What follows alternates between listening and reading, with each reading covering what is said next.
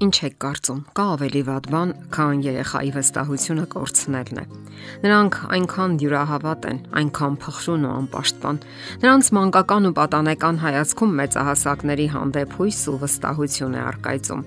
Եվ երբ մեծահասակները չեն արդարացնում այդ վստահությունը, նրանց հայացքում բռնկվող սերն ու վստահությունը մարում է, թողնելով այդ մեծ հույսի մոխիրները միայն։ Ահա թե երբ են աշխարհ մտնում չարացած ու անհույզ երեխաները, տեսնելով այն մեծահասակների եսասիրությունն ու անհոգի վերաբերմունքն իրենց հանդեպ, որոնց իրենք վստահել են եւ նրանց հանձնել իրենց ապագան։ Մեկ այլ խնդիր է հասարակական անտարբերությունը, մեկ այլ ծնողական անտարբերությունն ու ոչ օրինակելի վարքագիծը երբ են երեխաները վստահում ծնողներին։ Սա կարևոր հարց է յուրաքանչյուր ծնողի համար։ Ասենք հենց սկզբից, որ խստությունը կամ որ ավելի վատ է կոպտությունը երբեք չի կարող վստահություն ծնել երեխայի մեջ։ Իսկ ահա դաժանությունն ու բռնությունն արդեն վանում են ընդհանրապես, եւ այդպես դուք ի վերջո կկորցնեք ձեր հեղինակությունը։ Իսկ ինչ է նշանակում կորցնել հեղինակությունը։ Դա նշանակում է, որ երեխաներն այլևս չեն հարգում այդ մարդու խոսքերն ու զգացմունքները եւ ի վերջո չեն ընդունում նրան եւ չեն հնազանդվում։ Իսկ ինչ է նշանակում շփվել երեխայի հետ։ Երեխայի հետ շփվել նշանակում է նրան սովորեցնել վարքագծի ու կենցաղի կանոնները։ Ինչպես կազմակերպել կենցաղը, տեղաբաշխել տնային պարտականությունները, սովորել հիգիենայի կանոնները, որի վերաբերյալ պետք է լինի հրահանգների մի ամբողջ ցուցակ եւ որին անպայմանորեն հարկավոր է հետևել։ Եթե դուք անverջ բանակցություններ եք վարում կրկնելով միևնույն բանը, նշանակում է ժամանակն արդեն բաց եք թողել կամ ձեզ մոտ այնքան էլ լավ չի ստացվում հետեւյալ ոսկե կանոնին հետևելը։ Եթե ինչ որ բան չի ստացվում, փորձիր այլ կերպ անել։ Այժմ դիտարկենք հարցի մյուս կողմը։ Շփվել երեխայի հետ նշանակում է ներդաշնակ հարաբերություններ հաստատել։ Առաջին հերթին հարկավոր է հոգալ այն մասին, որ դրանք լինեն բարեկամական։ Շատ ծնողների, հատկապես բռնակալ ու տիրական ծնողների գիտակցության մեջ ընդհանրապես չի տեղավորվում այն միտքը, որ հարկավոր է ընթառաջ գնալ երեխային, ունկնդիր լինել նրա պահանջմունքներին ու դժվարություններին, հաշվի առնել նրա վիճակը, երբեմն զիջել։ Շատ նուրբ հարցեր կան, որտեղ փոքրիկ մարդիկ, երեխաները պարզապես անպաշտպան են։ Հարկավոր է հասկանալ այդ իրավիճակները։ Նրանք երբեմն կարող են ցանկություն հայտնել գնալու այնպիսի տեղեր, որի հետ դուք համաձայն չեք, եւ ընդհակառակը։ Օրինակ, նրանք կարող են խնդրել. Մայրիկ, իսկ ինչ կլինի, եթե այսօր դպրոց չգնամ։ Նման դեպքերում դուք պետք է նախորոք կշռադատեք ձեր պատասխանները եւ կտրուկ ու անբեկանելի որոշումներ չկայացնեք։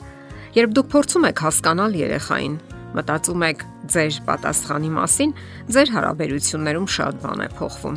Եթե ձեր սկզբունքը հետեւյալն է՝ ես ասացի եւ վերջ,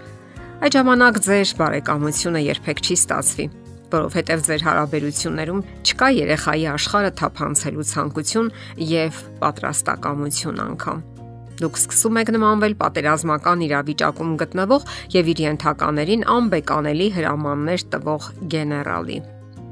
Ամենակարևոր կետերից մեկը երեխային լսելն է։ Լսելը եւ նրա կարծիքները հաշվի առնելը,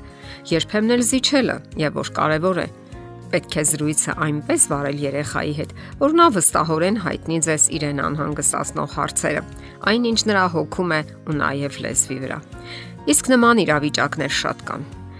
Օրինակ, ուսուցչուհին նրան երկուս է նշանակել, վիրավորել է։ Նա ուշացել է դասերից հիմնախնդիրներ ունի ընկերների հետ եւ այլն։ Այս բոլորը հուզում եւ անհանգստացնում են նրա մանկական եւ նույնիսկ պատանեկան հուզաշխարը։ Եթե նա այդ մասին պատմի բոլորը, դուք հնարավորություն կունենաք օգնելու նրան եւ դա նոր լիցք կհաղորդի ձեր հարաբերություններին։ Հարկավոր է երեխայի հետ լինել բարյացակամ, որpիսի կարողանաք օգնել նրան, զարգացնեք նրա աճելու հնարավորությունը։ Եթե նա դժվարանում է ինչ-որ բանում, առաջարկեք ձեր օգնությունը։ Ժամանակ տրամադրեք դրան, տեղաբաշխելով պարտականությունները, եւ նա կտեսնի, որ դուք նաեւ պատրաստ եք օգնել։ Ապա տեսնում է, որ միասին արագ եք ինչ որ բան անում, հետքեր չեք թողնում շուրջը ոչինչ չի թափրտվում եւ ամեն ինչ կարգու կանոնի մեջ է եւ այդ բոլորն անում եք սիրով ու դրական տրամադրվածությամբ։ Կարևոր է նաև սահմանել այն սկզբունքները, որոնք ենթակա չեն փոփոխությունների եւ անխախտ են պահում ընտանեկան հենասյուները։ Պետք չէ զոհաբերել ձեզ ձեր դիրքն ու տեսակետը։ Ընտանիքում գոյություն ունեն անխախտ արգելքներ, որոնք չի թույլատրվում խախտել ոչ երեխաներին, ոչ էլ մեծահասակներին։ Օրինակ, ընտանիքում ոչ մի կոպտություն։ Բնականաբար, այս կանոնը վերաբերում է նաև մեծահասակներին կամ ուտել միայն սեղանի շուրջը։ Եթե երեխան չի ցանկանում ուտել, թող չուտի, սակայն չի կարելի նաև պատառներ փախցնել եւ այս ու այնտեղ ծամել։ Իսկ քնելու ժամը քնել ժամը 10-ին Ուշացումներ 5-ից 10 րոպե հնարավոր է, սակայն եթե ձգձգվում է 1-ից 2 ժամ, ապա մեղավորը ծնողն է։ Բացառություններ իհարկե հնարավոր են։ Եթե 1 ամիս տնից բացակա եղած հայրիկը տուն է գալու, ասենք ժամը 11-ին երեկոյան երեխան կարող է սпасել կամ ասենք ամանորյա տոներեն։ Նույնիսկ 7-8 տարեկան երեխաները կարող են հենց ժամը 12-ին դիմավորել ամանորը։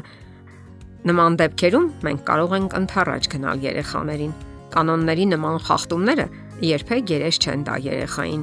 եւ չեն խախտի նրա սովորական գրաֆիկը։ Ինչու են ծնողները, հատկապես խիստ ծնողները վախենում զիջել, որովհետեւ վախենում են, որ դա կդառնա սովորություն։ Իսկ իրականում հարկավոր է երկխոսություն։ Քունը չի տանում։ Միգուցե պատճառներ կան։ Արի տեսնենք ինչ է պատահել։ Դպրոց չես ցանկանում գնալ։ Ընդհանրապես հարկավոր է ամեն օր դպրոց գնալ Կանոնից բացառություն հնարավոր է, սակայն միայն բացառություն։ Եվ հիշեք, այդ ամենը պետք է արվի դրական տրամադրվածությամբ եւ բարյացակամությամբ։ Այդ ձևով դուք կարող եք շահել երեխայի վստահությունը, ինչին եւ ձգտում է ցանկացած ծնող։ Եթերում ընտանիք հաղորդաշարներ։ Ձեզ հետ է Գեղեցիկ Մարտիրոսյանը։ Հարցերի եւ առաջարկությունների համար զանգահարել 033 87 87 87 հեռախոսահամարով։